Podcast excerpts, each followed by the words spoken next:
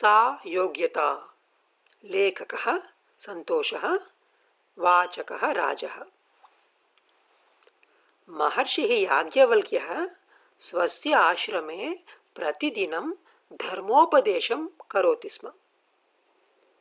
उपदेशं श्रोतुं बहवः जनाः आगच्छन्ति स्म। मिथिलायाः अधिपतिः जनकमहाराजः अपि आगच्छति स्म। वस्तुतः प्रतिदिनं जनकमहाराजस्य आगमनात् पूर्वमेव बहवः ऋषयः तत्र आगत्य उपविशन्ति स्म। किन्तु याज्ञवल्क्यः तदा एव उपदेशस्य आरम्भं करोति यदा जनकमहाराजः आगत्य उपविशति। कदाचित् ऋषयः परस्परं वार्तालापं कृतवन्तः जनकमहाराजे, अस्मासु अविद्यमाना तादृशी का योग्यता अस्ति यत्? महर्षिः याज्ञवल्क्यः, तस्य विषये तादृशं गौरवभावं वहति इति। ऋषीणां वार्तालापः याज्ञवल्क्येन ज्ञातः। स तेषां बोधनाय एकम् उपायं चिन्तितवान्। एकस्मिन् दिने याज्ञवल्क्यः यथा पूर्वम् उपदेशवाचनं कुर्वन् आसीत् जनकमहाराजः अन्ये ऋषयश्च श्रद्धया शृण्वन्तः आसन्। तदा एव कश्चन वटुः धावन् तत्र आगतवान् ऋषीन् उक्तवान् च भोः भोः ऋषयः भवतां कुटीराणि अग्निना ज्वलन्ति सन्ति इति परन्तु तच्छ्रुत्वापि याज्ञवल्क्यः उपदेशं तथैव अनुवर्तितवान्।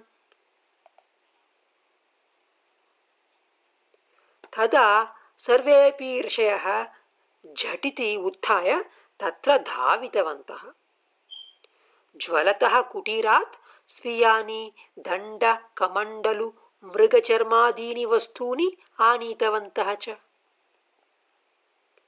इतोपि उपदेशः अनुवर्तमानः एव आसीत्। जनकमहाराजः निश्चलम् उपविश्य शृण्वन्नासीत्।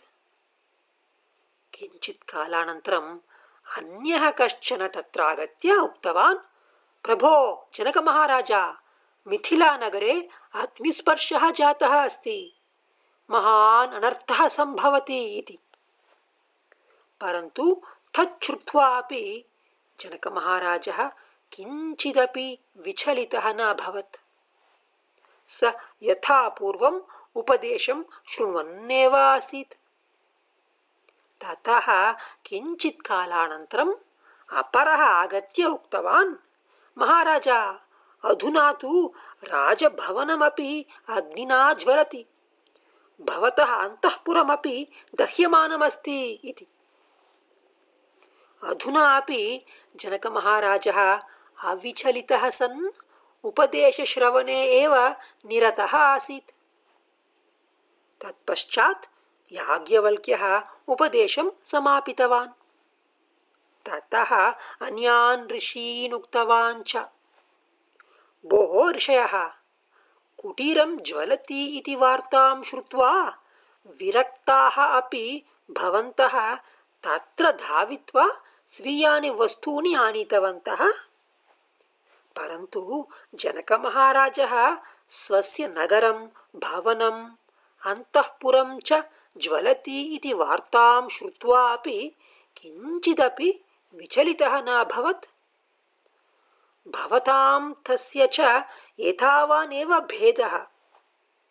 अतः एव अहं तस्य आगमनानन्तरमेव उपदेशस्य आरम्भं करोमि इति।